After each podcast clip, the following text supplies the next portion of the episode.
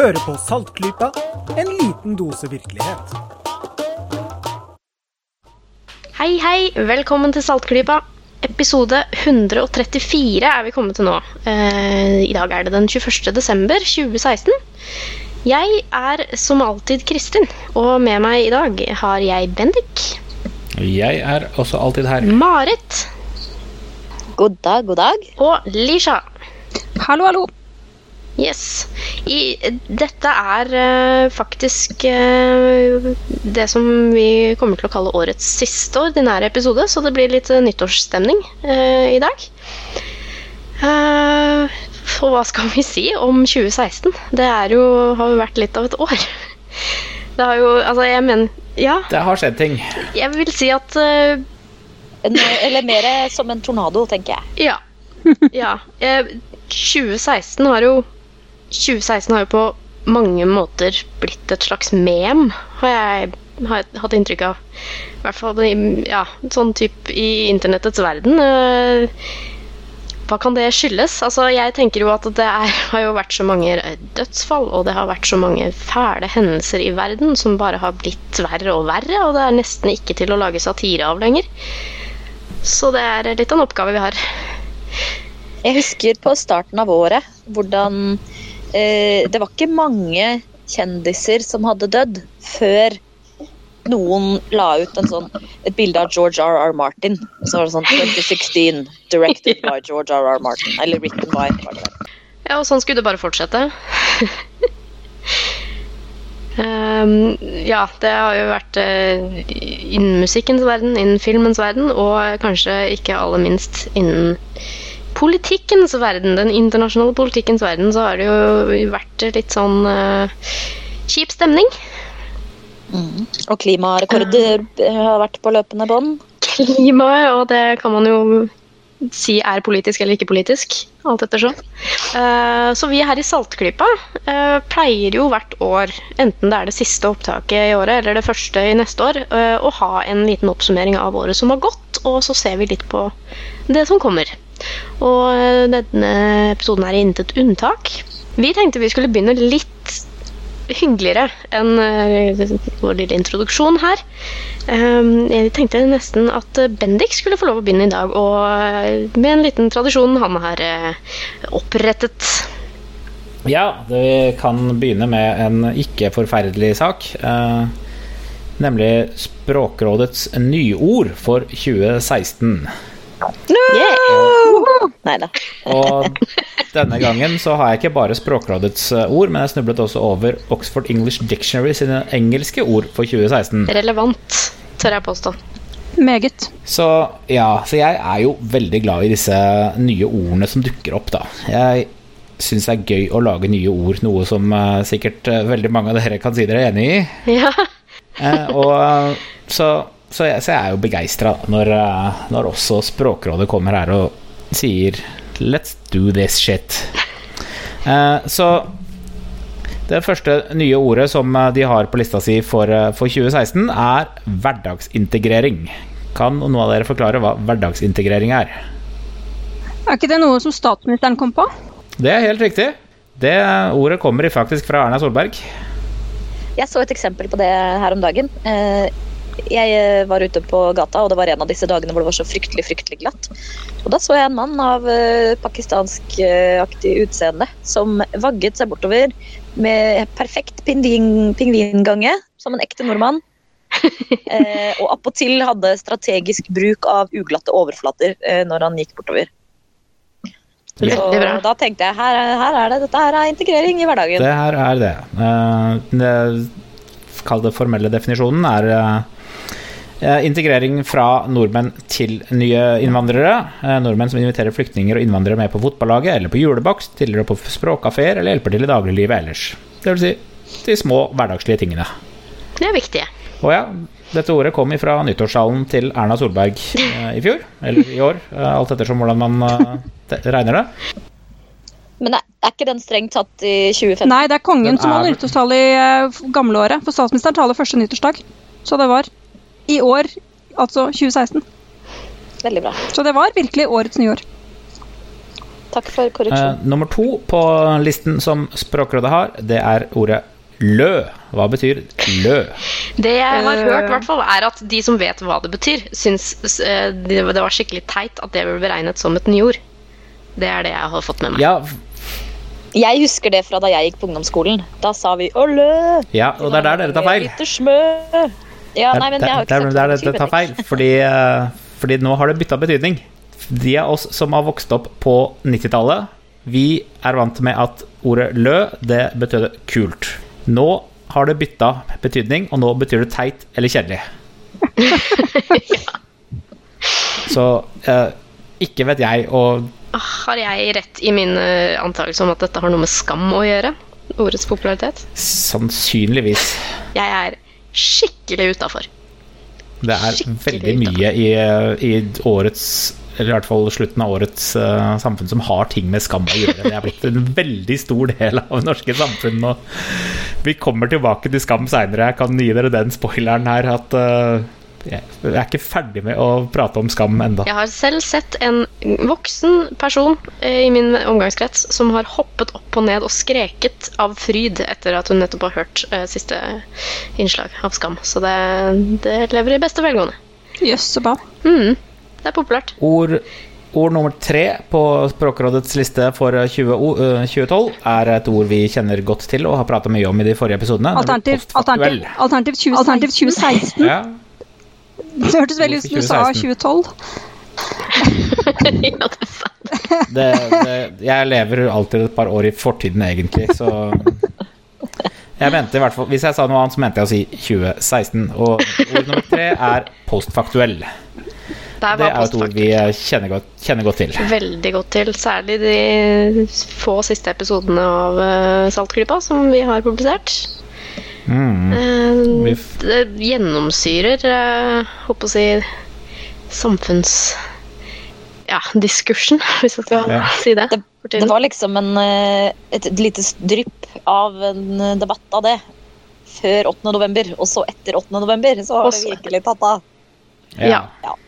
Vi kan takke vår storebror i eh, Vesten for eh, at dette her har eh, virkelig blitt et ord som har slått gjennom og hatt, vært mye på dagsordenen i år. Og for så vidt så er det jo en trend som har vokst veldig sakte, men sikkert i løpet av flere år. Og det, men det er vel kanskje noe først og fremst vi rare mennesker som bryr oss veldig mye om uh, hva mennesker tror på og snakker om, og kritisk tenkning og alt sånne ting. Skeptisisme, altså alt det der. Vi som kanskje følger litt ekstra med på det, uh, har kanskje merket litt uh, en liten tendens til at det, det har blitt litt poppis å være imot det som presenteres som fakta. Mm. For det er jo det det betyr. Ord nummer fire på Språkrådets liste er eh, Hva er en fleksitarianer? Det vet jeg. Det vet jeg. Det er sånn som meg. Ja, også det. Og så er det sikkert veldig mange vegetarianere som syns at fleksitarianer er et utrolig dumt ord. Mm. Det er jo noen som uh, spiser mindre kjøtt og mye vegetarmat. Ja, En eh, ikke helt vegetarianer, men en som prøver å bytte ut kjøtt der hvor han kan, eller en gang iblant. Men det er, også noe med, liksom, det er jo litt rart at man trenger et eget begrep for å spise mindre kjøtt. Det sier jo noe om hvor vanlig det er. At du trenger et annet ord for sånn Nei, jeg spiste Absolutt. ikke kjøttkaker fem dager denne uken. Nei, jeg spiste faktisk en halloumi-burger en dag. Eller liksom grønnsakssuppe. Eller liksom altså at, at det trenger et eget begrep, det er jo ganske påfallende. snodig. Ord nummer fem på Språkrådets liste over nye ord som dukket opp uh, i 2016, minner om at uh, dette er ikke ord, at ordet liksom må ha dukket opp, men at det plutselig ble relevant, eller at det virkelig kom inn i øyet, øye av folk. Eh, ord nummer fem Ja. parallellsamfunn. Parallellsamfunn, ja. Kan noen av dere forklare hva et parallellsamfunn er? Twilight Zone. Ooh. Jeg tror ikke det har noe med parallelle universer å gjøre. Ikke. Nei, det har det ikke. Tenk så kult den hadde det. Ja, det er sant. Eh, Det er en isolert minoritetsgruppe som lever på siden av majoritetssamfunnet.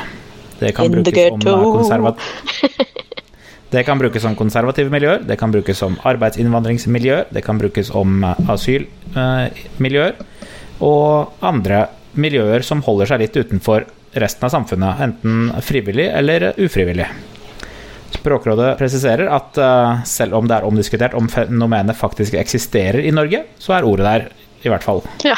Altså, jeg, te jeg tenker jo med, med tanke på uh, hvor mye polarisering som har foregått i politisk eh, landskapet de siste årene, så, så lever man jo i ganske sånn parallelle virkeligheter. Det er jo nesten parallellsamfunn. Du kan være, på en måte, delta i parallellnettsamfunn.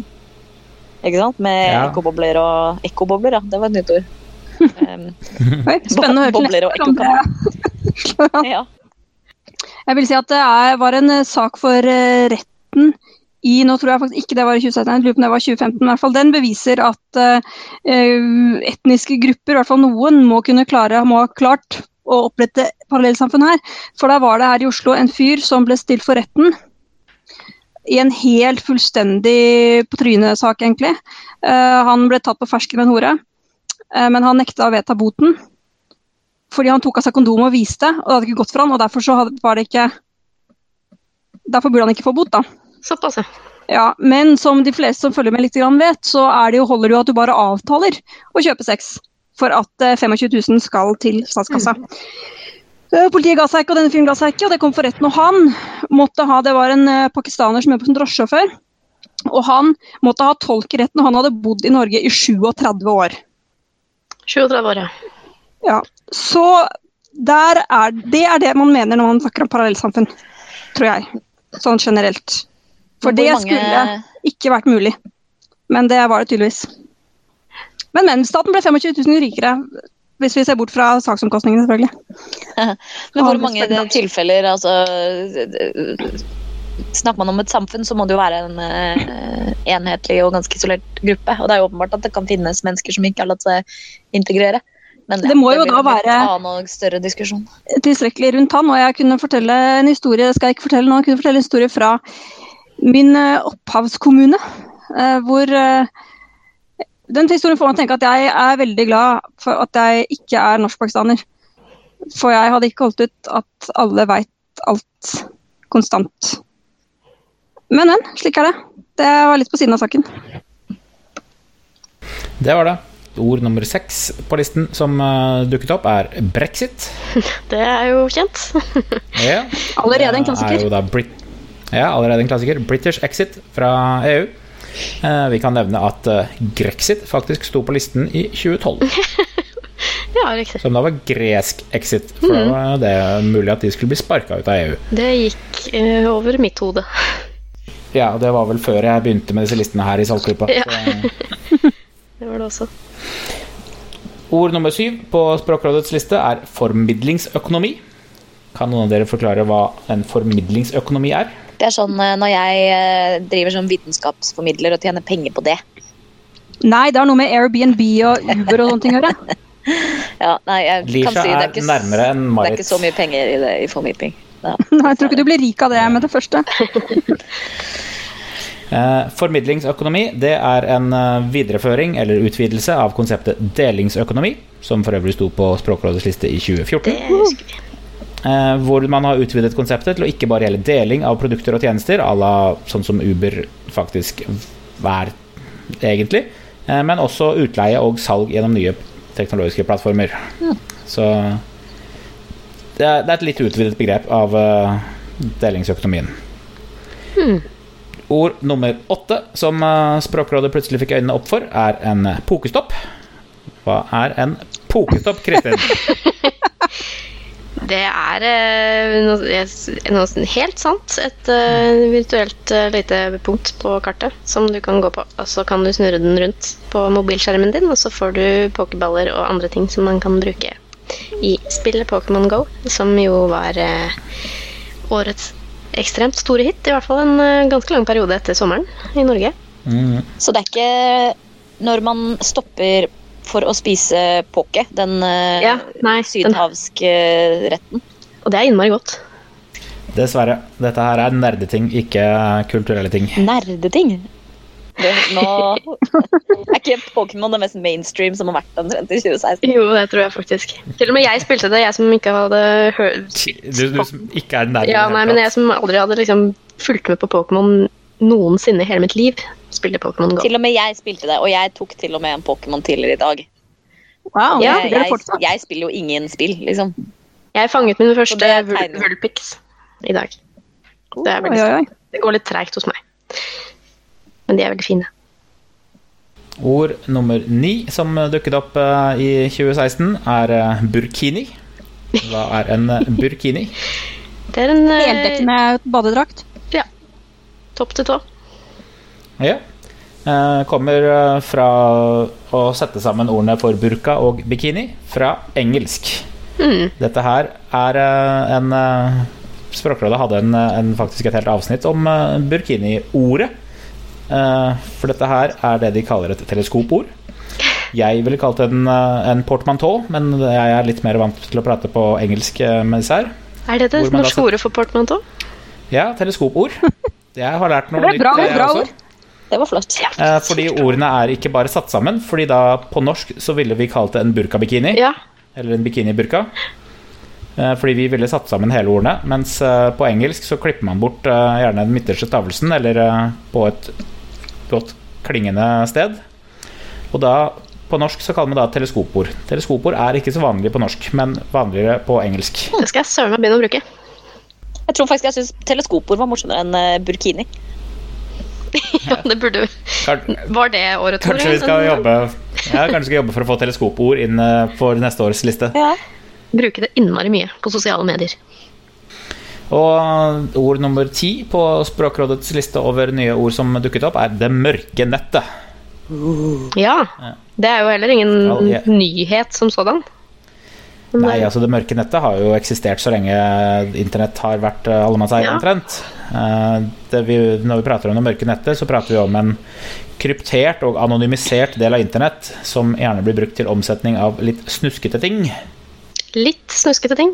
Gjerne litt mer, Ja. mer snuskete ting òg, har jeg hørt. Litt ulovlige ting. Det er eh, Ja.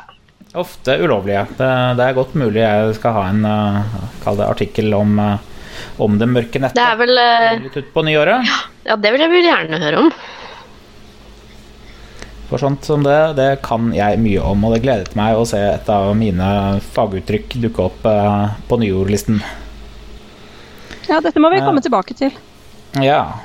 Andre ord som merket seg, men som ikke helt nådde opp til topp ti, eh, er eh, genredigering. Mm. Ja. Kan, kan Marit forklare forskjellen på genredigering og genmanipulering? Um, ja, eller altså Generelt Vanligvis så snakker man jo om genmodifisering eller genmanipulering, og da bruker man teknikker som ikke er så eh, fryktelig presise. Eller de er jo rimelig presise, litt avhengig av hva slags metode man bruker, men stort sett da så eh, leter eh, enzymene, altså leter mekanismen etter en lengre sekvens som er lik, og så klipper den der. Eh, og det som kan skje da, er at du får klippa på et par steder.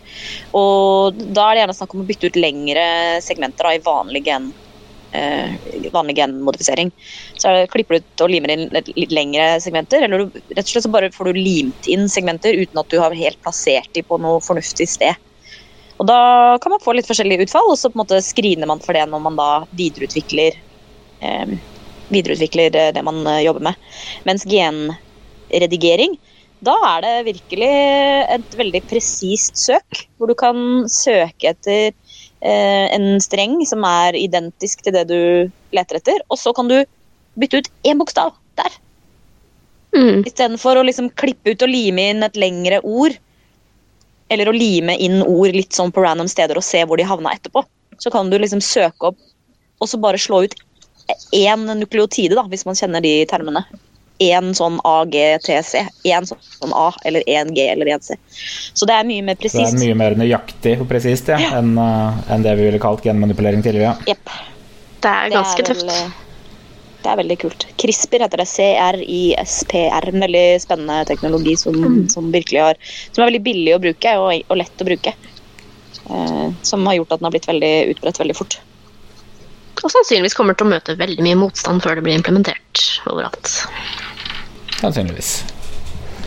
Eh, Et annet ord eh, som dukket opp i eh, 2016, som eh, ikke helt nådde opp på topp 10-listen, men som vi kunne legge merke til for det, er rulleplass. Kan noen av dere forklare hva rulleplass er? Nei. Nei, nei, Det har ikke hørt, hørt. Nei. Må du forklare. Rulleplass har gått dere har faktisk, Gikk faktisk meg også, og helt, eh, helt hus forbi. Ja. Eh, Det er kanskje ikke så rart. Det er en god stund siden vi var russ, og det er et russeord. Å rulle! Å, nå skjønte jeg det. For rulle har jeg hørt om i russesammenheng. Ja. Ja, rull, Hvis man har rulleplass, så basically så står man på venteliste på en russebuss. Eller på gjesteliste på en russebuss. Ah. Ja, sånn for å komme inn og ha fest der, rett og slett. Ja, da, Ja. da har man liksom en plass på den bussen, men du er ikke medlem av bussen. Ja, for så vidt jeg har skjønt. kan Og nå er jeg sikkert, nå er jeg sikkert veldig gammel. uh, for så vidt jeg har skjønt, så betyr liksom å rulle det er jo liksom å rave rundt i russebussen og ha det gøy. Som russ jo stort sett gjør. Ja. Jeg hadde sykkel, jeg. Jeg og en venninne hadde tandemsykkel. Vi var dødskule. Det hadde jeg lyst på òg. Det var skikkelig Mm. sjarmerende. Mm. Jo, kom så sykt god form, da. Så, men det var den gang. Det var 15 år siden. Eh, Et eh, annet ord eh, som er nytt og fint, er faktaresistent. Ja, Det er jo litt relatert med postfaktuell, kan jeg tenke meg. det er det Det er vel. Jeg synes Det er en av de beste sånne New York Times, var det vel? Eller er det Onion? Nå husker jeg ikke engang. En sat- satireartikkel som sier at Earth has become infected with a new strain of fact-resistant humans. Ja. Så, Den er morsom. og litt tragisk, for det er Ja. ikke så rent usant, faktisk. Eh, Et annet ord som eh, er en blokkjede. Ja. Er det noen av dere som kan forklare meg hva en blokkjede Jeg er? kan ikke forklare det, men det har noe med Det er det som bitcoin baserer seg på, er det ikke det? Altså, min, min forklaring på det er at det er en, en lenke, en slags liksom, kjetting, hvor du på en måte du kan alltid følge eh, Det er på en måte en utregning i hvert ledd som gjør at du ikke kan hacke deg tilbake. Uh, uh. Ja, det, det, det er ikke en, en dårlig der. Det er en eh, basically en transaksjonslogg som ikke kan manipuleres fordi, den, eh, baser, fordi det er så mye matte og utregning i den. Og det er det som er grunnlaget for den digitale valutaen bitcoin. Og det har faktisk potensial til å revolusjonere bankindustrien også, for det kan gi dem helt nye måter å føre transaksjoner på som ikke kan forfalskes. Fordi alle ting som, som skrives til blokkjeden, må verifiseres av mange andre uavhengige eh, art, eh, aktører. Som også er, skriver til samme blokkjede. Eh, så det er derfor bitcoin er mulig, fordi det er ikke mulig å kopiere en bitcoin. Det er jo mulig å kopiere alt annet på data, men ikke en bitcoin. Eh, og det gir veldig mye spennende applikasjoner for finansbransjen, som da kan få spurt transaksjoner, samtidig som transaksjonene faktisk kan holdes helt anonyme. De kan bekreftes selv om de er anonyme, noe som er veldig, veldig spennende. Kult. Eh, neste ord, det er sikkert et ord som dere kan like. Pysjdag. Elsker pysjdag. Ja. Jeg har altfor få av dem. Har dere mange pysjdager nå for tiden? Ikke formelt. Nei? De er ikke nedfelt i arbeidskontrakten min. Ja, jeg føler jeg har lest om det der i den forbindelse, at det er noen arbeidsplasser som har pysjdag. Er det ikke sånn, Mhm. Bendik? Ja. At eh, noen sier bare vet du hva, vi stoler på at du er voksen, og at hvis du virkelig virkelig, virkelig, virkelig trenger å være hjemme en dag eh, og ha en eh, pysjdag, rett og slett, for det er jo et, noe som mange mennesker kan føle lysten på innimellom, så er det greit. ja. Det er en Ja, ikke være Ikke nødvendigvis være på jobb. Det er, ikke å kunne gå på jobb i pysjen, men Nei. Kanskje, kanskje, kanskje du har hjemmekontor. Ja. Men, men hovedbetydningen er ta en pysjdag som bare er en fridag for å slappe av. Ja. Sånn helt spontant, liksom på samme måte som vi tar en sykedag. Så, vi bare, så burde, mener da noen folk at det burde være innafor å bare ta en pysjdag. Og si nei, i dag så, så føler jeg liksom ikke for å jobbe. Det er bare eh, så mye annet jeg må dille med, eller eh, Tanken bak det er vel da at da blir man desto mer effektiv og mindre syk eh, ellers. Er det ikke det som er eh, hypotesen? Det er en hypotese. Eh, Jeg lar det være opp til arbeidsgiverne og teste den ut. What a time to be alive. Samtidig som det har kommet opp prater om pyrsdag, så er et ord som har kommet opp i 2016, er elitemottak. Kan noen av dere forklare hva et elitemottak er? Eh, Ja, det er noe Sylvi Lyst, Sylvi Listhaug fant på. Er det ikke det? Det En sånn stemmer. veldig ekstra bra asylmottak for folk som er asylsøkere som er veldig motiverte, hvor det er mer eh, norskundervisning og mer ditt og datt, eller noe annet? Ja, det er basically det. Det skal være et asylmottak eh, som skal være bedre enn eh, de andre. Eller ikke sånn bedre enn, men eh, som det skal være kvalitet på, og få folk raskt ut i samfunnet. for eh, tidligere leger og sånn, liksom. Ja, ikke, ikke for elitefolk nødvendigvis. Dette er ikke, dette er ikke øh, De blir ikke sortert først. utgaven av elitesingles. Det, Uff, ja. det, det er et mottak Eller selve mottaket skal være bra, ikke nødvendigvis folkene skal, skal være de beste i samfunnet. Oh, ja, Det kan jo godt hende at en prioritering blir gjort. Ja. Mm. Siste nye norske ordet som eh, har dukket opp i 2016, er en skremmeklovn. Ja, det ble jeg aldri utsatt for. Ja, nå. ennå. Ikke ennå, nei. Der driver de på enda. De har vel fisla ut, vel. Ja, kanskje når vårvarmen kommer tilbake. Jeg vet ikke om det helst helt har tatt av her i Norge, men eh, det har jo vært en, eh, en liten eh, fad med å være redd for klovner, eller at folk kler seg ut som klovner og prøver å skremme folk i, i andre land. Løpe etter dem med kniver og balltre og sånn uten å gjøre noe særlig mer. Og egentlig bare forårsake skikkelig farlige situasjoner innimellom. Mm. Men eh, jeg tror ikke det var så veldig mange tilfeller av skremmeklovner. Er det ikke sånn det var? Altså, det var det at det ble så innmari Det ble pausa. veldig hypa opp i media. Eh, veldig mye mer hyping enn faktiske hendelser. Litt sånn som med burkini. Litt sånn burkini. Det var sånn ett menneske som hadde lyst til å gå med burkini, og så var det sånn «Ah!» Hele landet. Alle blir tvunget til å gå i burkini. Men ja, eh, det var den norske listen. Vi, vi pleier jo å holde oss som stort sett norske, men eh, jeg, i år så fant jeg også den engelske listen fra Oxford Dictionaries. Kan jeg bare skyte inn et spørsmål her? en, eh, Bendik, kan Ja. komme med et spørsmål? Hvis, for nå, De siste ordene nevnte her, de var jo det som de vurderte, men som ikke kommer på lista.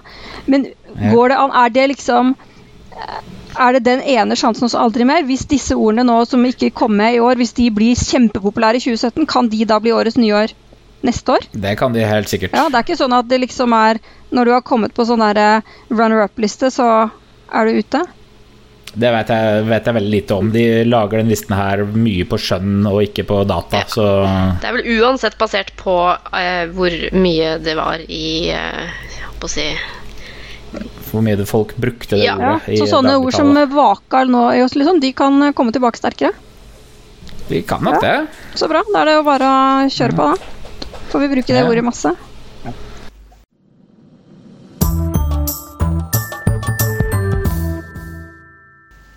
Sagt, jeg tenkte vi skulle gå gjennom den engelske listen også, fra Ja. Oxford Dictionaries. Ja. Vi, vi pleier jo å holde oss til norske ting her i Saltklypa, men jeg synes faktisk at de engelske ordene her var skikkelig, skikkelig fine. Kom med det. Mange av dem var, var bra. Eh, Det er noen gjentagende ord fra den norske listen også. F.eks. Oxford eh, sa kåret Word of the Year til Post-Truth, mm. som jo er postfaktuell. Eh, Så vi behøver ikke snakke så mye mer om det. Eh, Det var det nyeste og fineste ordet til, eh, til Oxford. Resten av listen var ikke nummerert, men eh, de ga honorary mentions til alt-right, alternative høyre. Ja. En eufemisme, om det noensinne var en. Ja. Uh, the Glass Cliff, i motsetning til The Glass Ceiling. Oi! Er det noen av dere som kjenner forskjellen der? Ja, hva vil det Hvis man bryter gjennom The Glass Ceiling, så står man trygt Ja. liksom, på, på, på gulvet etterpå. Men hvis man klatrer The Glass Cliff, så er risikoen for fallet fremdeles høy. Den var ny.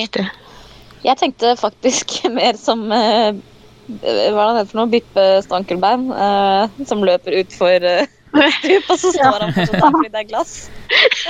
Det var en fin tolkning. Det var ikke det. Nei. Det hadde Mm. vært bra hvis liksom, det var sånn en dame som kaster seg ut for et eller annet, tar en kjempesjanse, og så blir hun liksom holdt fra å falle pga. dette glasset. Men det var ikke riktig. Så eh, neste, neste ordet på den engelske listen er eh, et ord som, som jeg er veldig irritert over at eh, Danmark får all æren for, og ikke Norge. Da vet jeg hva det er. Fordi, fordi vi har det samme ordet selv, Ja. Men nå har vi kos, og det er hygge. Vi har jo kos. Ja, Ja, vi har kos. vi har kos, men, men vi bruker også hygge. Men ja. Og den engelskspråklige verden har jo blitt helt betatt av Ja. hygge nå i, Ja. i høst og i sommer. Jeg har sett av flere blogger er bare- og sånn som har gjort store greier på det der. Jeg så i bokhandelen i stad en sånn derre The Big Guide to Hygge. Ja, men det er sånne ting. Skrevet av en engelsk forfatter. Mm. Og, og ja, jeg blir, jeg blir irritert over at de alltid sier det som et danskt ord og ikke som et norsk ord. Men uh, de danskene kan kanskje få denne, denne gangen. da. Ja, de, de har ikke så mye annet, er det ikke sånn? Da blir det, da blir det kos neste gang. Det er som Ja, en bonus. kos neste gang. Som, som en bonus så er det jo en, også mye enklere for engelskmenn å uttale. Det har jo vært en stor, eh, stort snakke, en stor snakkis. Det der hvordan i all verden skal man klare å uttale hygge hvis man er engelskspråklig. I hvert fall hvis man skal si det på dansk. Ikke minst hvis man skal si det på dansk. Så alt blir egentlig enklere eh, med å si det på norsk og eller bytte til kos. Mm. Så vi heier på kos i 2017. Nest, mm.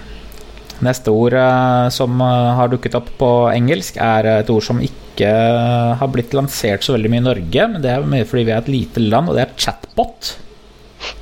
Ja. Eh, Dette er jo da Og fordi vi ikke liker å snakke sammen. For, Nei, fordi chatboten skal jo ikke prate med andre mennesker, men eh, Eller Jo, Chatboten Chatboten- skal jo skape en illusjon av at man snakker med noen.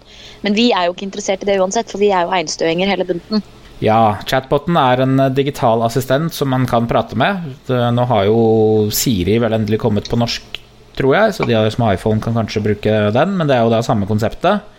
Eh, bare at chatboten kan man hjelpe deg på samme måte, men chatboten kan også høre på kommunikasjonen mellom to andre folk. og liksom hvis, to, eh, hvis jeg og Marit sitter og chatter på Facebook og spør skal vi gå på kino, så kan chatboten høre det, og så poppe opp filmforslag helt automatisk.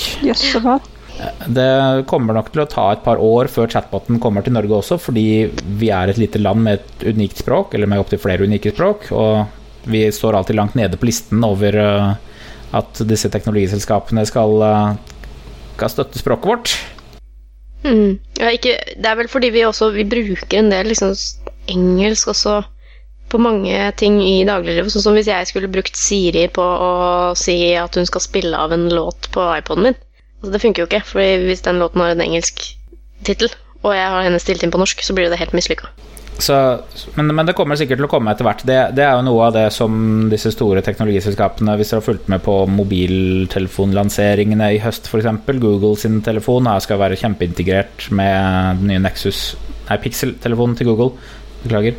Eh, Skal være kjempeintegrert med en sånn chatbot som eh, skal hjelpe deg med alt og, og sånt. Så det, det er liksom det neste som teknologiselskapene mener at vi skal like og trenge, da. Eh, neste ord som dukket opp på engelsk, er adulting. Hva Ja, det gjør er man hvis man Adulting, eller adulter. Voksenpoeng kaller vi det på norsk. Ja. Det er basically voksenpoeng. At Voksenpoeng. eh, I am so adulting når man gjør noe voksent som å stryke skjorta si, eller Man eh, voksner. Kjøpe leilighet eller mm. ja, spise nok fiber. Det er Ja, eller for noen For noen så, så er det rett og slett bare det å liksom komme seg gjennom en hverdag som har liksom med jobb og regninger og sånn å gjøre også. Det er mange som ser på det som adulting også, for det er kanskje mange som syns det er litt ork. ja, En vanlig, kjedelig hverdag. Mhm. en vanlig, kjedelig hverdag. Da adulter man. Da er man adult, adulting. Adulting is hard. er det mange som sier. Åh, for en gjeng vi er. Nok en gang. What a time Ja. to be alive. Eh, et nytt ord eh, er en brexiteer. Hva er man hvis man er en brexiteer? Da må man for brexit, eh, da. brexit.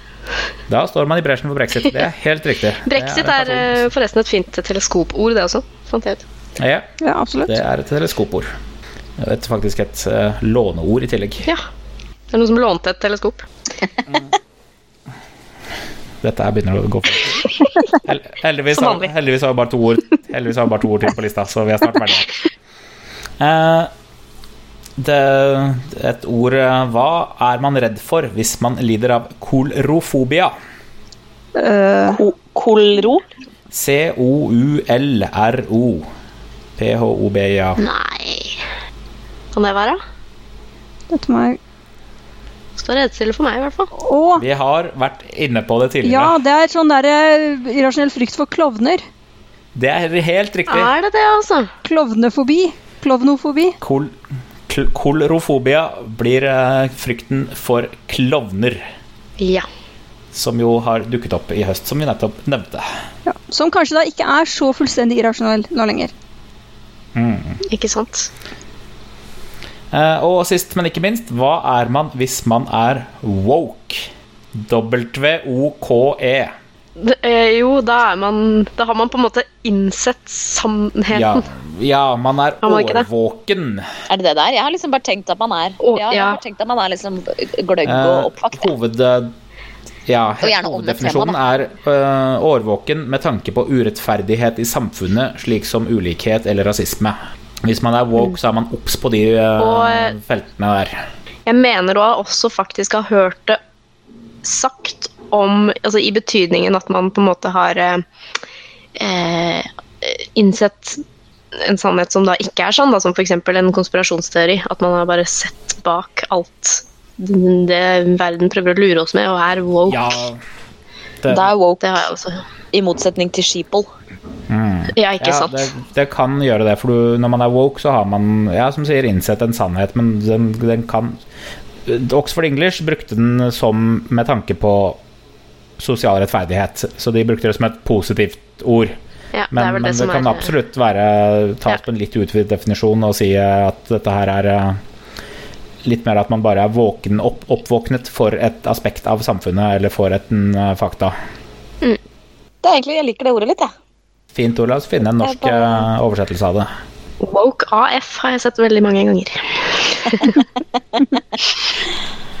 Så det var uh, 30 nesten ord, både på norsk og på engelsk. Både fra Språkrådet og fra Oxford English. Mange nye, fine ord å Ja, bruke i dagligtalen Nei, din ikke. eh, neste år. Ja. her, Altså. Ja, tradisjonen eh, utvides. Ja, Tradisjonen vokter, kan man si. Jo mer tradisjoner, jo bedre, sier jeg da. Ja, kjør på.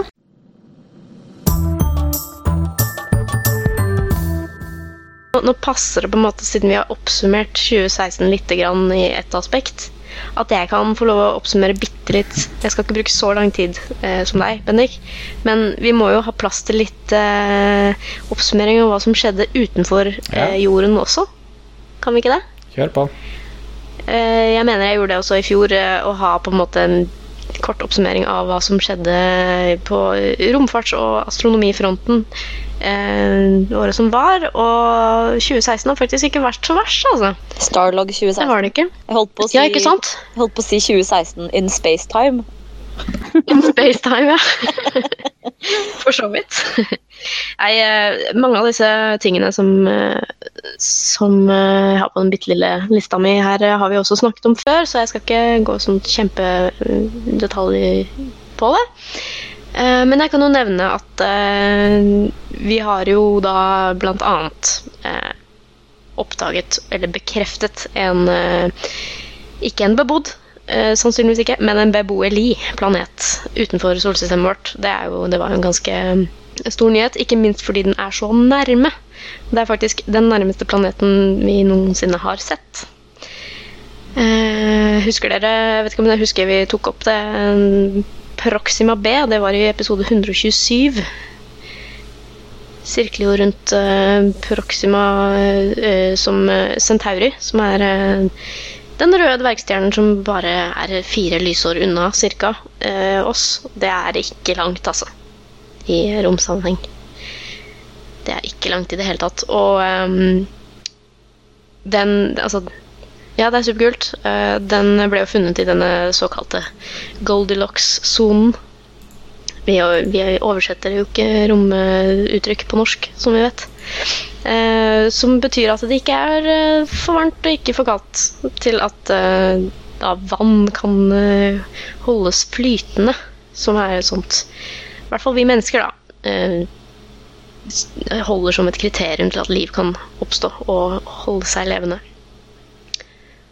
Så det var, eh, det var en av de virkelig store nyhetene, syns jeg, eh, i fjor. Eller ja, når denne episoden kommer ut. Kanskje det er i fjor allerede. Eh, en annen ting var jo det at vi fikk, i hvert fall verden, fikk bekreftet at gravitasjonsbølger var direkte observert. Det er jo helt fantastisk. Det er jo også Selve, Ja, det er ganske altså, det, er sånn, det er så revolusjonerende i fysikken. Altså Og noe som vi har lett etter så lenge. Ja. Som har vært Eh. omdiskutert siden 70-tallet, 60-tallet til og med. ja, og som også, det. det er jo bare så gøy. og som også er en At, uh, det var Ja. faktisk en av dine spådommer for 2016. Ved, I fjor, eh, for et år Det var det. At uh, LIGO vil påvise gravitasjonsbølger. Mm. Og litt av grunnen til at jeg spådde det, var jo fordi det var jo De, de drev og hvisket om det allerede da. Fordi eh, selve deteksjonen, da, selve oppdagelsen av eh, at vi kunne bekrefte gravitasjonsbølger, eh, den ble jo gjort, så vidt jeg husker, i september 2015. Eh, selve bekreftelsen kom jo da ut i pressemeldinger og artikler og sånn eh, året etter. Og eh, den vant jo da også da det som kanskje kan kalles nobelprisen i astrofysikk, på en måte, nemlig Kavli-prisen eh, i astrofysikk. Eh, veldig velfortjent. Um, og um, veldig fort. Det er ikke alltid det skjer. Det går gjerne noen år. Men dette her var jo en så Snitt er 15 år fra oppdagelsen til prisen. Nettopp. Men dette var jo såpass en sånn enkelt kriterium. Det var bare det at det skulle bekreftes. Så, og det, det gjorde det. Det var eh, for den direkte det var, Prisen ble gitt for den direkte deteksjonen av gravitasjonsbølger. Det er ganske tøft, altså. Og som jeg da sa den gangen jeg nevnte det um, Det åpner opp for en hel måte, helt ny måte å observere universet på. Det blir på en måte en ny kanal vi kan bruke for å se ting vi ikke har sett før. Så det er um, Veldig kult. Veldig kul. Jeg skal ikke si jeg skjønner så mye av det, men eh, sånn skjønner det sånn, Jeg skjønner det sånn populærvitenskapelig, som jeg pleier å si. Eh, Så skal vi jo eh, nevne også eh, Blant annet i episode 123 så nevnte vi eh, Juno-proben. Som eh, i år, da i 2016, altså, eh, hadde da vellykket eh, baneinnsettelse eh, rundt eh, den største planeten i vårt solsystem, nemlig Jupiter.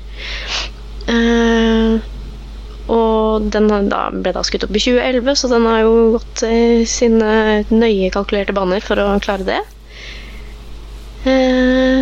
Og skal da undersøke dypt nede i skylaget til Jupiter for å se hva som skjuler seg der.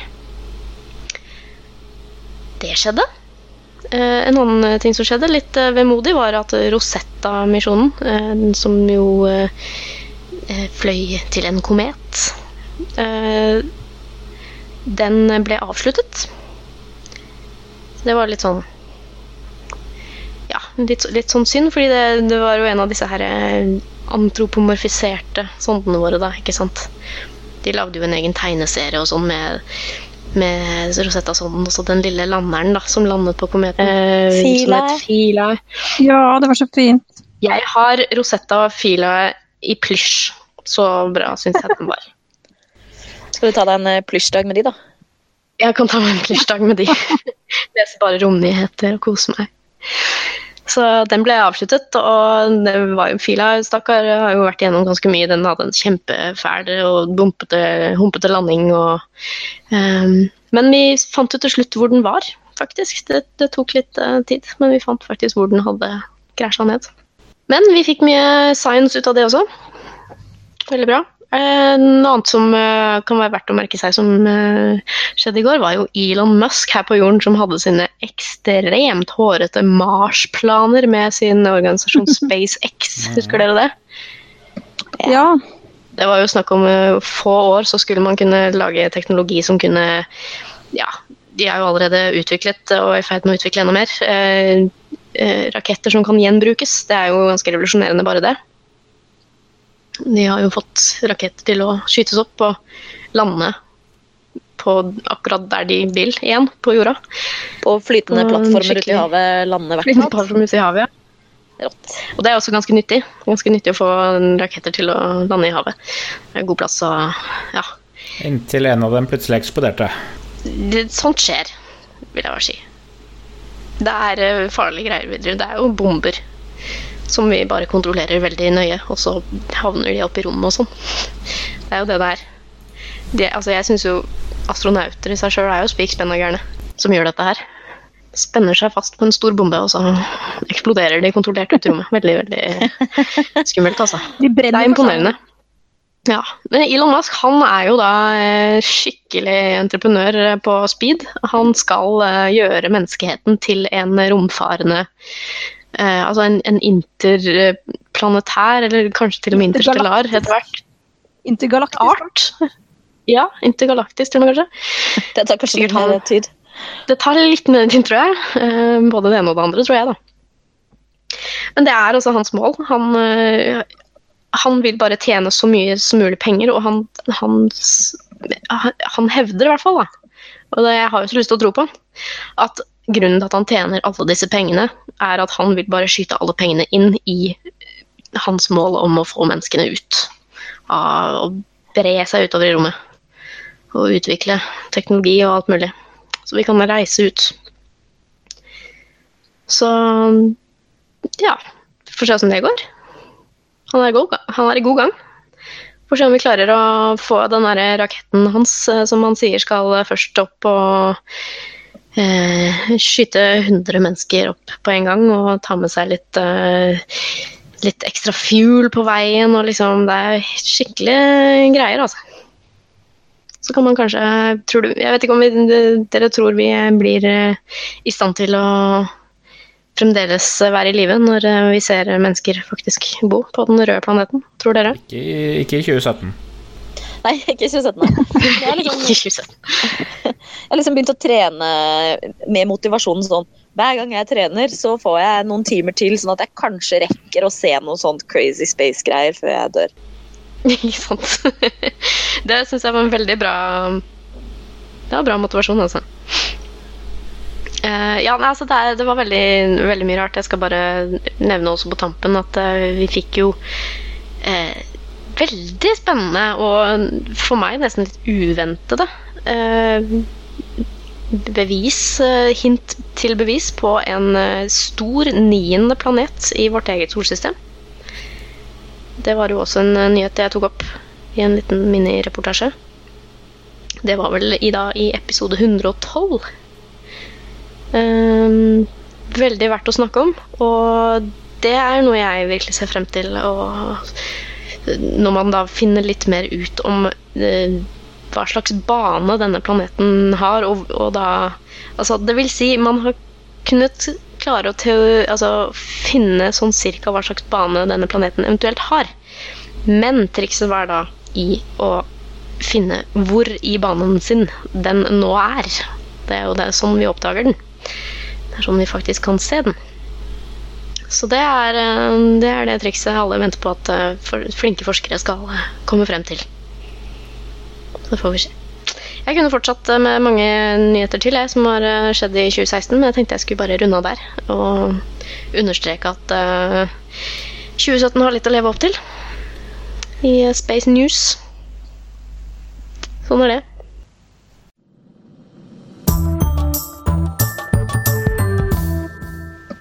Du, nå har vi snakka mye om eh, året som har gått. Eh, Vi kunne jo fortsatt i dagevis å både skryte og klage av dette året her. Mm -hmm. Hva sier dere at altså Vi pleier jo selvfølgelig å ha litt ja, litt, litt spådommer vi tenkte å leke litt synske eh, hver år. Eh, skal vi si vi tar det første innspilling i 2017? Ja. Ja, Vi gjør det slik. som en sånn eh, fordeler vi det litt utover, og så får vi tenkt litt på hva vi tror kommer til å skje. Rett før vi runder av, så. Ja, ikke sant. Leke eh, kollektive Henning Hailey Young. Og se hva, hva som skal skje. Det er jo det som er litt gøy, da. Eh, Vi hadde jo noen spådommer Vi hadde et par-tre spådommer i fjor også, eller i 2016, som vi tenkte vi skulle sjekke om vi får, fikk rett i. Og det har jo allerede nevnt eh, gravitasjonsbølger. Hurra, jeg hadde rett. De av oss eh, som har litt mer usannsynlige spådommer, vil jo gjerne gi eh, resten av året en sjanse til å oppfylle. Det er, sånn, det er faktisk noen dager igjen når dette spilles inn. Ja. Eh, jeg tenkte at eh, det er på sin plass å anbefale en eh, herlig liten eh, et lite herlig debattinnlegg eh, som sto i Dagbladet her forleden. Og eh, for den er det Ikke bare derfor, den er svært god. Eh, men det er litt eh, også fordi at vår egen kjære Marit har forfattet dette innlegget. som kom i kjølvannet av en Ja, hva skal jeg si? Debatt, eller? På Dagsnytt 18 mellom Ja, et slags innslag. Hvor eh, klimaforsker Bjørn Halvard Sandseth, eh, som vi alle er eh, kjempestore fan av, gjør et viktig formidlingsarbeid på veldig mange arenaer. Spesielt klima, litt fysikk osv. Han ble intervjuet i Dagsnytt 18, var det vel, for å komme og snakke om klima med Carl I. Hagen. Han Den det. velkjente Ja. Det gikk ikke Ja. som man skulle tro. altså Riktignok, uh, jeg syns jo Dags 18 fortjener eh, litt De hadde i hvert fall prøvd å sette det opp på en måte som ikke ga falsk balanse.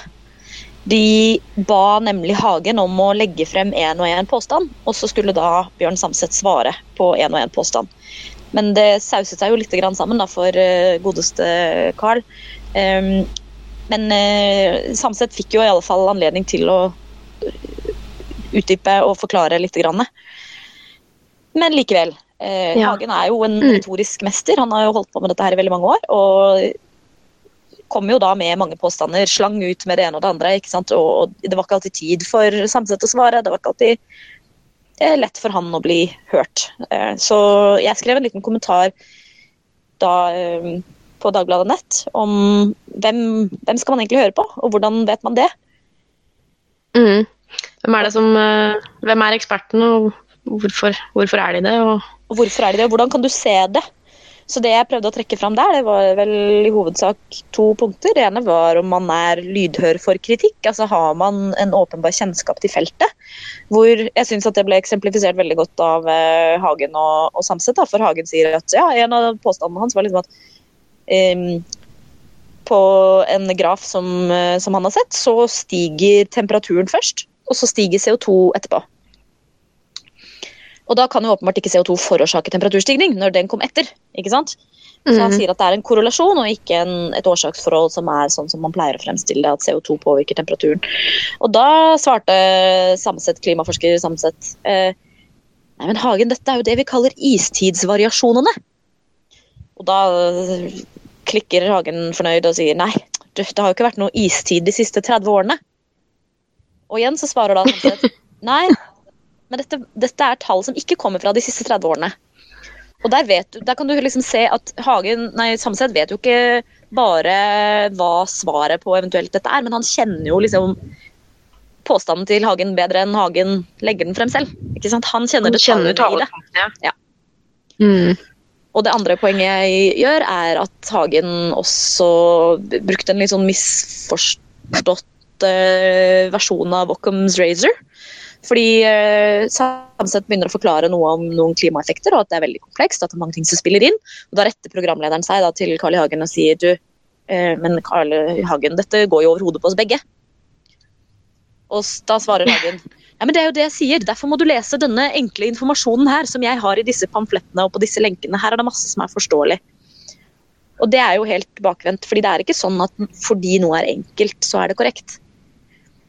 Eh, En, en kompleks modell er ikke nødvendigvis sann eller usann fordi den er kompleks. Det, det har med hvor mange uh, forutsetninger den gjør, usagte forutsetninger den gjør, og sånt.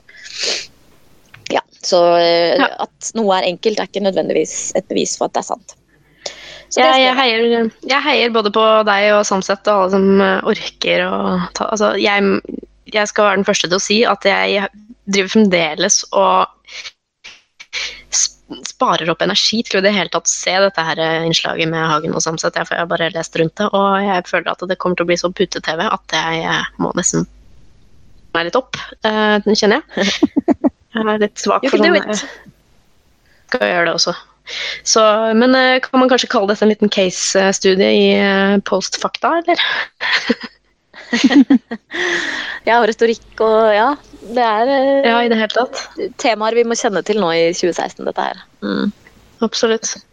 Og fremover. Og den heter da. 'Eksperten i eplehagen'.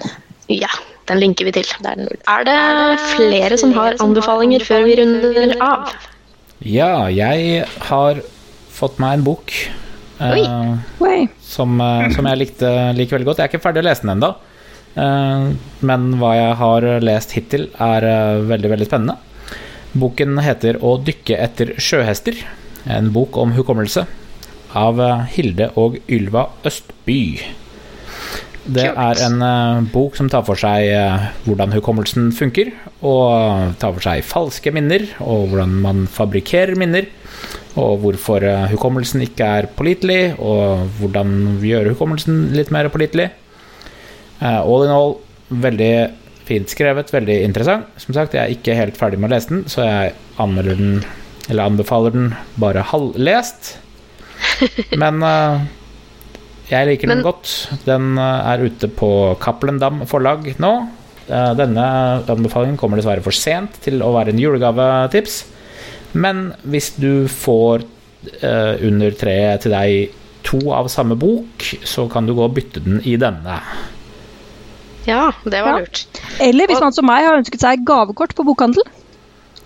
Mm, da er det den du skal kjøpe. Ja, men eh, Det hørtes jo evig interessant ut for våre lyttere, tror jeg. da, Fordi vi har jo vært borti både én og to av det du har nevnt eh, som denne boken omhandler, virker det som. Ja, dette her er temaer som vi er godt kjent med. Jeg sto og tittet på den i bokhandelen eh, her om dagen, og jeg syns det så ut som en veldig spennende bok også, fordi at eh, det ser jo ut til at de to som har skrevet den sammen, er søsken. Hvorav den ene driver med nevrovitenskap, og den andre er forfatter og journalist. Det er Det riktig. De, Det er en bra kombo. De er, de Ja, er søstre, og den ene er nevrolog, og den andre er journalist. Det er, det er en fantastisk. god kombinasjon. Oppskrift på suksess. Mm. Spesielt innen populærvitenskap, vil jeg Ja. tro. Veldig kult. Jeg aner, jeg, jeg aner nesten en liten eh, et lite episodetema i 2017 om dette her. Altså hvis du får lest ferdig boka og, og så Ja, videre. Nå er det ikke så mye mange fridager i uh, romjula i år, men jeg skal gjøre mitt beste. Ja. Nei, men takk for det. Eh, vi har kommet oss igjennom nyttårsepisoden vår. Eh, og vi skal eh, Ja, vi har litt både jul og romjul å feire, faktisk, eh, nå som vi tar opp denne episoden. Eh, men eh, vi kan jo avslutte med å ønske alle lytterne våre et veldig godt nyttår. Det er Ja, jo, godt nyttår. Ja. på alle sin plass. Og håpe at 2017 blir betraktelig bedre enn dette året har vært, kanskje. Og hvis det har vært bra for dere, Ja. så bli, må det bli minst like bra. Mm. La oss håpe. Ok, vi snakkes uh, om et par uker igjen, vi. Uh, kanskje Kanskje også med Jørgen med oss. Det håper vi veldig. Han har eh, litt uh, vært litt eh, i uform og har vært veldig veldig mye å gjøre i det siste, så det er veldig forståelig hvis eh, han faller fra. Eh, men vi håper vi snakkes neste gang. Ja. Og da gjenstår det bare å si godt nyttår og ha det bra. Ha det bra. Ha det bra. Saltklypa lages av Kristin Lisha, Jørgen og Bendik. Har du spørsmål, anbefalinger, ris eller ros, send det til post at saltklypa.no, eller finn oss på Facebook. Lenker til alt vi har snakket om i episoden finner du på saltklypa.no, hvor du også kan abonnere på podkasten for å få hver episode levert på døra helt gratis. Takk til Smart 9000 fra Evig poesi som har laget kjenningsmelodien.